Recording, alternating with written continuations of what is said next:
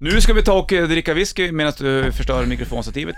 Vad har jag gjort där? Sådär, sådär. Vad sa du? Vi, vi- nu är vi i Skottland. Ja, detta är blåsiga land och i Skottland så finns ju massa regioner där man gör olika whiskys. Ja. Den som är mest känd egentligen, förutom de riktigt rökiga, är ju då Speyside, där ungefär 90% av alla destillerier ligger. Och ett av de riktiga kultdestillerierna där heter Mortlach.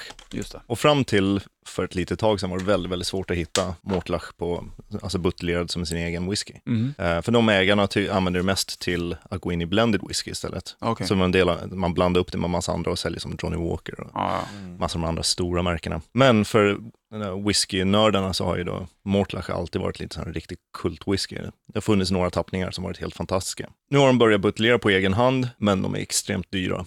de här är, det är dyrt vi dricker nu. Eh, nej, det som jag ska komma till, är att då, det finns det, det eh, är att det finns då oberoende buteljerare, folk som, som köper upp fat från de stora destillerierna Okej. och buteljerar själva. Ja. Och en av de stora oberoende buteljerarna heter Gordon och MacPhail. Och bland annat då så har de en 15-årig Mortlach som precis släppte här i slutet på sommaren. Och det är den som ni har i glaset framför er. En riktigt, riktigt fin Speyside whisky. Och du säger inte spejsad whisky. Nej, Speyside. Precis. Så om, om ni doftar och smakar på den. Ganska mild ändå, ganska Ja. snäll. Fast det Ja. kommer en liten brännande känsla efteråt ändå. Precis. Mysig. Den är, Ja. den är lite platt, alltså såhär. Det är Ja, inte det, så det, här är, ju- det här är inte den största whiskyn ni kommer att dricka. Men Nej. eh, vi börjar litet och sen så ökar vi. Jag tycker den är riktigt snygg, den är välbalanserad. nästan godare än i andra sippen så att Ja. säga. Mm. För då har När, man, liksom- när man har eh, man Ja. ställt in munnen. Exakt. Mm. Och, och det är som, den här har ju lagrats på bourbonfat. Ja. Eh, och det ger en eh, lite sen vanilj, lite karamellton, samtidigt som den inte gör whiskyn för tung som vissa sherryfat kan göra.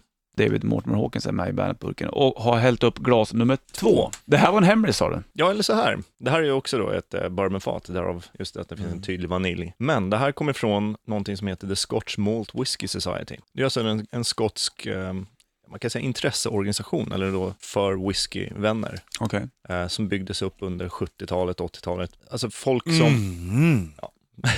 Fol- Folk som är ovanligt intresserade av whisky då kunde gå med här. Vad är det? Am- Herregud, det här var ju bland det bästa du har tagit med tror jag David. Låt dem prata nu Ja, Richard. förlåt.